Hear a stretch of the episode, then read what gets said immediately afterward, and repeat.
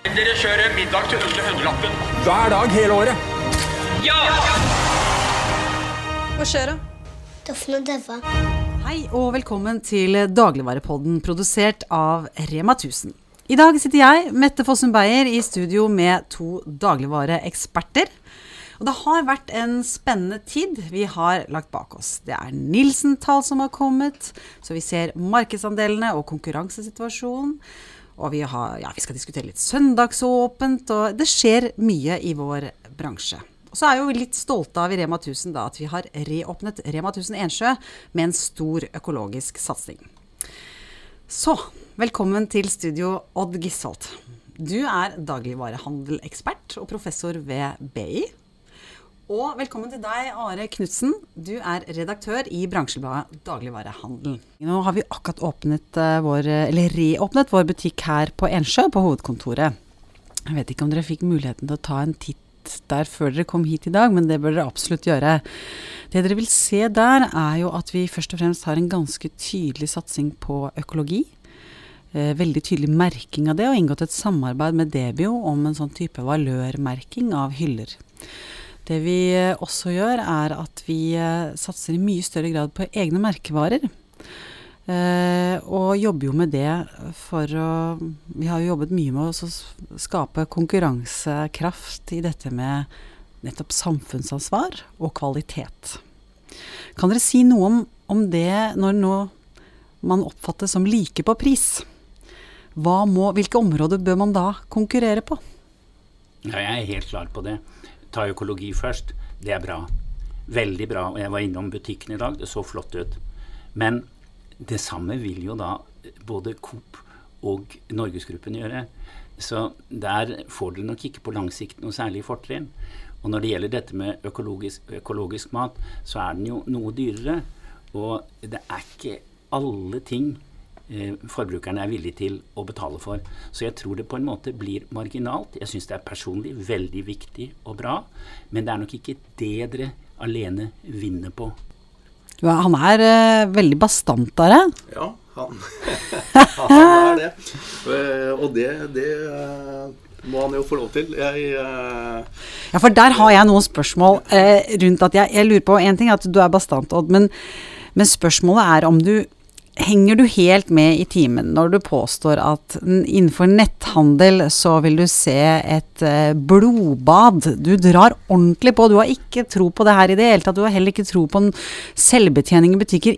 Ingenting av te teknologiske nyvinninger. Jo, i aller høyeste grad. Jeg sier det sånn, jeg, at uh, med ny teknologi så er egentlig alt mulig. Men alt er ikke fornuftig. Og det er jo det vi må ta inn over oss. Og jeg har sagt at de som driver med mat på nett, som jeg kaller det i dag, de leker butikk. De tjener jo ikke penger, de taper store summer, og de kommer aldri til å tjene penger heller. Og derfor sier jeg at det blir et blodbad. Det er en liten nisje hvor det er noen som holder på nå, ofte med altfor lite kapital, bortsett fra at uh, Marked.no har jo masse kapital, for der har jo Komplett og Steiner i Hagen gått inn. Men mange av disse kommer til å dø i dette blodbadet. Og det er klart det at Norgesgruppen, Coop og Reitan de kan jo alt om dette. De har også prøvd ut før og sluttet med det. Og de ser jo hva som skjer i utlandet. Men jeg minner om lille Norge med fem millioner innbyggere og 4000 dagligvarebutikker. Det er den største tettheten i Europa. Vi trenger ikke mat på nett. For det enkleste er at vi går i butikken og henter varene selv. Og det er også det mest rasjonelle og det billigste. Og der er jeg glad for, i den første poden her, så sa Ole Robert at han ikke tror på netthandel, men så sier han han heier på kolonial.no allikevel. Og det er jo fordi at Reitan distribusjon har jo Kolonial da som kunde på Angro-siden. Men vi er jo med i et samarbeid med kolonial.no fordi vi vil se an utviklingen og, og se hva som skjer innenfor netthandel. Og det skjer jo veldig mye spennende. Det, vi ser jo at det bres ut særlig i, de, i hvert fall i Oslo, og det utvikler seg stadig nye tjenester rundt akkurat dette her. Dette er jo det samme som type Uber og Airbnb. Dette er jo en utvikling som skjer fordi folk hele tiden eh, overprøver, eller disruptor, eh, tjenestene. Så er du ikke litt redd for å bli som han, da, som sa en gang at internett er en flopp? Internett er en fantastisk informasjonskanal, men til tider en temmelig håpløs salgskanal. Og når det gjelder dagligvarer, så er det en håpløs salgskanal, og det står jeg ved. Odd Gisold, hva er Jetshop? Jetshop det er et svensk selskap som utvikler software for netthandelsbedrifter, som jeg sitter i styret i og som jeg har sittet i styret i en årrekke, så jeg følger dette markedet nøye. Og det er klart at netthandel for en rekke kategorier er midt i blinken. Det har jo Jeff Bezos bevist, som startet med bøker, og som har spredd ut til en rekke andre kategorier nå, inn i tekstil osv. Så, videre. så jeg er ikke den som ikke tror på netthandel, men for dagligvarer er det helt håpløst. Da har vi det på teip, ja. så vet vi hva du mener som vi kan kan i hvert fall spole tilbake om noen år, så får vi se hvem av oss uh, som har rett der. Hva tenker du, uh, Are Knutsen? Jeg tenker at uh, det er et marked for dagligvarer på nett. dog ikke alle steder i landet. Norge er ikke egnet rent geografisk for, å, for netthandel med dagligvarer i alle kriker og kroker. Men sentrale Østlandet så mener jeg at det må være mulighet å få lønnsomhet i det. Mm. Eh, og for, for, mange på av vi som har passert 40 eh, og vel så det, så er det, føles det litt fremmed å, å handle på den måten. Men eh, for den oppvoksende generasjonen så er det noe ganske annet. Mm. Så at dette vil øke, det, det er jeg sikker på. Og så spørs det da hvor effektive de klarer å være i plukkingen av disse varene. Eh, men eh, gitt stort nok volum, så, så, tror jeg at det vil være rom for eh, et par aktører. Ja. Jeg skiller jo markedet i to. Den ene delen er de som putter i poser, og den andre er de som putter i kasser. Og jeg tror litt mer på dette med å putte råvarer i kasser og forberede middagen for folk, enn det at du skal fylle, fylle et helt sortiment i eh, poser. Men tror du, eller vet du? Det er ingen som kan vite, men uh, du kan si at uh, vi har jo erfaring, da. Ole Robert prøvde seg jo for 15 år siden og sluttet med det. Stein Erik Hagen eh, prøvde for 10 år siden eller 12 år siden og sluttet med det. Og ute i Europa, jeg følger jo tendensen der, så er det svært mange som driver med dette. Men det er små tall, og det er den stasjonære handelen når det gjelder mat på nett, eh, som vinner. Nå har vi akkurat hørt at Amazon skal prøve seg i England. Det skal bli spennende å se. Jeff Bezos han har råd til å prøve det ut. Og kanskje det er noe annet i London enn i Oslo og Norge for øvrig. Så sann mine ord, dette er å leke butikk. Du vil ikke handle på nett, du vil ikke ha selvbetjening i kasser, du vil heller ikke ha søndagsåpne butikker. Nei, og det er jo litt rart. Eh, den gangen Kåre Willoch var statsminister i Norge, så prøvde jo han å få til søndagsåpne butikker, men han greide det ikke. Stortinget ville ikke ha det. Da var jeg på hans side, men nå har jeg snudd. Og grunnen til at jeg har snudd, det er at det ville være en gavepakke til Olav Thon og co. og de store kjøpesentrene hvis det ble søndagsåpne butikker i dag. Og jeg er veldig for sentrumshandel, og jeg er for små butikker, også ute i de grisgrendte strøk. Og hvis man altså gir Olav Thon og co., som har store markedsføringsbudsjetter, Samvika Storsenter 35 millioner, det er en gavepakke til dem.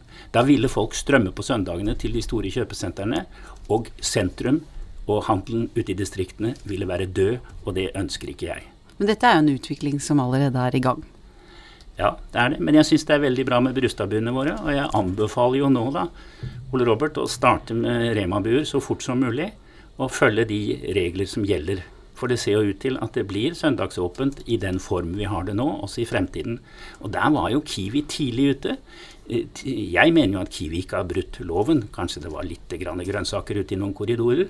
Men bortsett fra det, så har jo de holdt seg til loven. Og nå har jo også Ole Robert og dere en stor sjanse til å åpne eh, Rema-bur.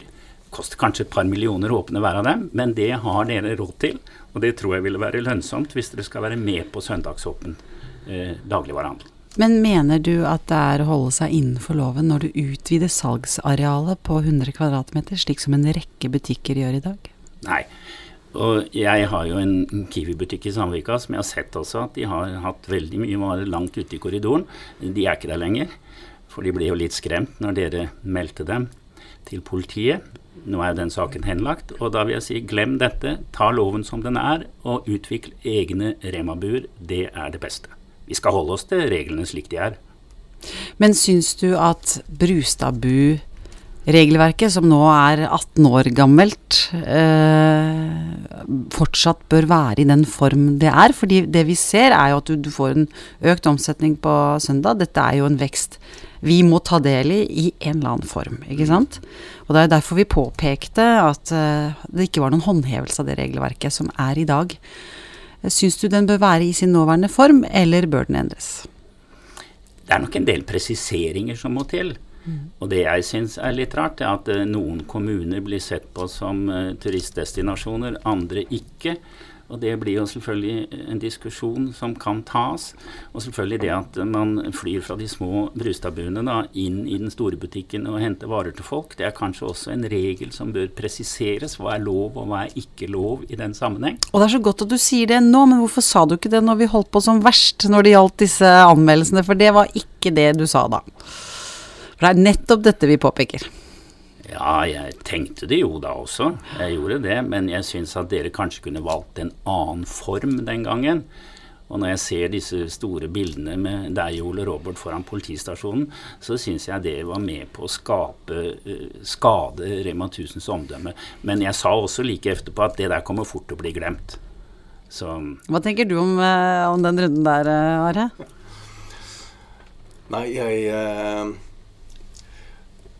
Altså eh, all den tid man faktisk har gjort et eh, gjort et så stort arbeid som dere da faktisk eh, gjorde. Dere glemte i og for seg deres egne butikker. Ikke glemte helt, men eh, det var dette med denne kundeservicen, da. Ja. eh, Ikke salgsareal. Nei, men, eh, men det gikk jo nettopp på det å hente varer på bakrommet. Men, men eh, sett eh, bortsett eh, fra det, så er jo helt eh, ja, altså jeg, jeg jo, mener jo at eh, reglene bør etterleves. eh, og det var på sin plass å få satt det på dagsordenen. Eh, vi vet jo at Rema 1000 har eh, irritert seg over dette i ganske lang tid.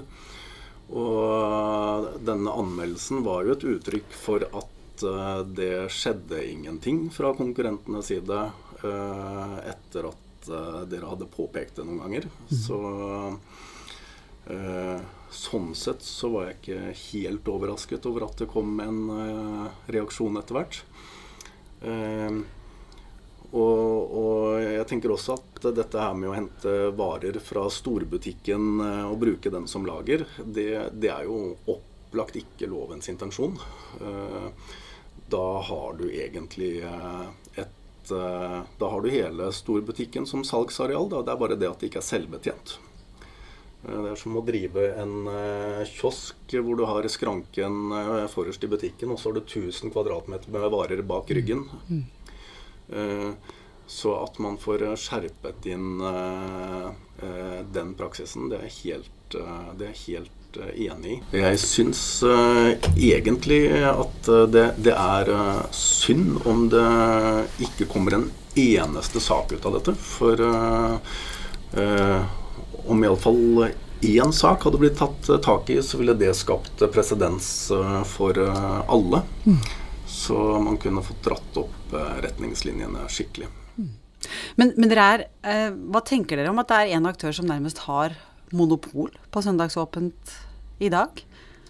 Hva, hva har skjedd i den utviklingen som gjør at Norgesgruppen, som faktisk sier at de er imot søndagsåpne butikker, har 350 butikker åpne på søndag?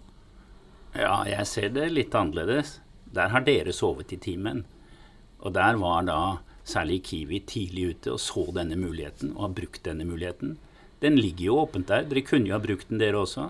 Ole Robert sier til meg at det er så dyrt å bygge sånne Brustadbuer. Men jeg vil jo anbefale at dere nå går i gang og gjør det. Men det er jo en annen òg, da. Det er jo Bunnpris og Lykkefamilien som selvfølgelig har kommet til Sør-Norge med det hovedmål å bygge Brustadbur, og har jo også gjort det. Og det er jo interessant å se da hvor sinna eh, Trond og Christian Lykke ble på dere når dere anmeldte dem. Dere er jo i samme seng i øyeblikket når det gjelder Angro-distribusjon, i hvert fall. til, eh, det år. Jo, ja, jeg var et år til. Og et år til.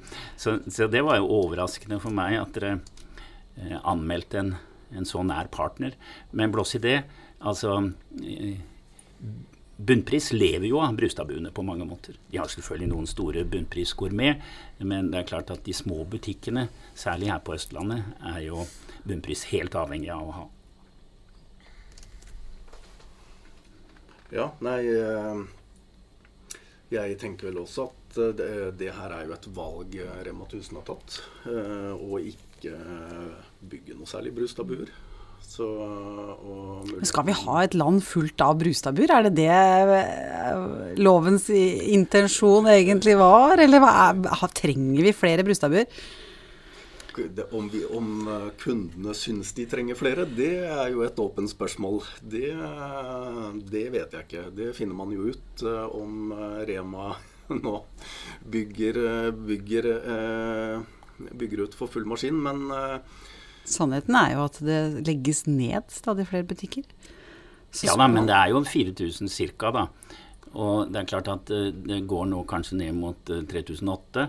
Men både Kiwi, Extra og Rema 1000 øker jo på. Så det blir jo flere, særlig av lavpris. Nå får vi også en del nye menyer og megaer. Sånn at det blir en konsentrasjon. Men jeg kaller det jo den norske modellen når det gjelder dette med søndagsåpent. Og det er klart at det er jo det politiske flertall på Stortinget som bestemmer dette. Og vi har jo nå i et titalls år hatt fred og ro omkring dette, og det syns jeg vi skal avfinne oss med. Og i og for seg ikke prøve å få åpnet opp sånn at eh, Olav Thon blir enda rikere, og at eh, kjøpesentrene tar enda mer markedsandel, og at sentrum og distriktene blir skadelidende. jeg, jeg syns jo at eh, det, det mest trøblete med søndagsåpent slik det har vært praktisert i dag, er jo nettopp det som går på turistområdet. Eh, hvor eh, du har eh, noen som blir eh, klassifisert som turistområde og, og får holde søndagsåpent. Og da også har du butikken 100 meter unna på andre siden av eh, kommunegrensen, som ikke får være turistområde. Og, og hvor det her slår veldig skjevt ut. Ja, det er et Så problem. den delen av ordningen burde man virkelig se på. Ja, det er et problem at eh, fylkesmennene skal sitte og bestemme hva som er og hva som ikke er turistdestinasjon. Men jeg har jo moroa, da. Jeg er jo ikke så glad i den nye byregjeringen i Oslo, for de vil jo ikke tillate trafikk i byen engang. Men de har jo klart sagt at så lenge de sitter, så blir det i hvert fall ikke søndagsåpent i Oslo. Så det er jo underlig hvor man kan få nye allianser. At eh, jeg og byregjeringen er enige om det, i hvert fall. da. At vi skal ikke ha søndagsåpent i Oslo. Men vi skal ha masse Brustadbuer. Og Rema-buer. Du, litt til slutt, eh, Odd, for vi, jeg regner med at du og jeg ses på Twitter igjen. Eh, Men du er jo en eh, professor ved BI som har ganske sterke meninger. Jeg registrerer at du ofte sier at 'jeg mener'. Og sist du var ute og sa 'jeg mener', så var det i en diskusjon om netthandel, hvor du skriver til slutt at 'jeg handler på Kiwi', jeg. Ja. Det er litt vanskelig noen ganger å, å forstå at du er professor ved BI og nøytral. Ja, nå er jeg doktor og con på BI. da. Jeg har vært professor på flere høyskoler i utlandet. Men nok om det. Jeg er jo da eh, fagansvarlig eh, for retail management eh, på BI. Og det som er viktig for meg, det er at jeg har doktorgrad, jeg har eh, mye forskning, og jeg har mye praktisk erfaring. Og når jeg sier 'mener', så er det selvfølgelig eh, begrunnet i min erfaring og all den eh, forskning og teori eh, som jeg har eh, bygget opp i løpet av et langt liv. Så jeg er ikke redd for å si at eh, jeg mener. Og det er klart at i disse mediene, Oddegutt på Twitter eller min eh, kronikkspalte i dagligvarehandelen, jeg har skrevet over 50 der, og den gangen dagligvarehandelen også drev med sin lille YouTube-affære, så var jeg jo friskt eh, frampå og kalte til og med landbruksministeren for hysterisk. Det er klart det er jo ikke særlig vitenskapelig, men det er sånt som man må artikulere hvis man skal bli hørt. Men jeg tror jeg føler meg veldig trygg på at det jeg sier, har sin gode forankring i teori. At du heller handler på Kiwi enn andre steder? Det er fordi at den ligger 100 meter eh, fra meg, og det er klart det at eh, location er knockout-kriterium. Så nå er det faktisk én minutt med bil ned til Rema 1000 eh, på Sleppenden. Og han som driver den, han har jeg fått et veldig godt forhold til. Og han eh, følger meg på Twitter, og jeg er inne og intervjuer ham én gang i uka. Og vi har en veldig fin og åpen dialog. Men det er klart, du forstår at vi som er en del av en bransje ved veldig høy intensitet i, i konkurransen, reagerer på den type uttalelser. Det at du tar med alle studentene dine til eh, Norgesgruppen.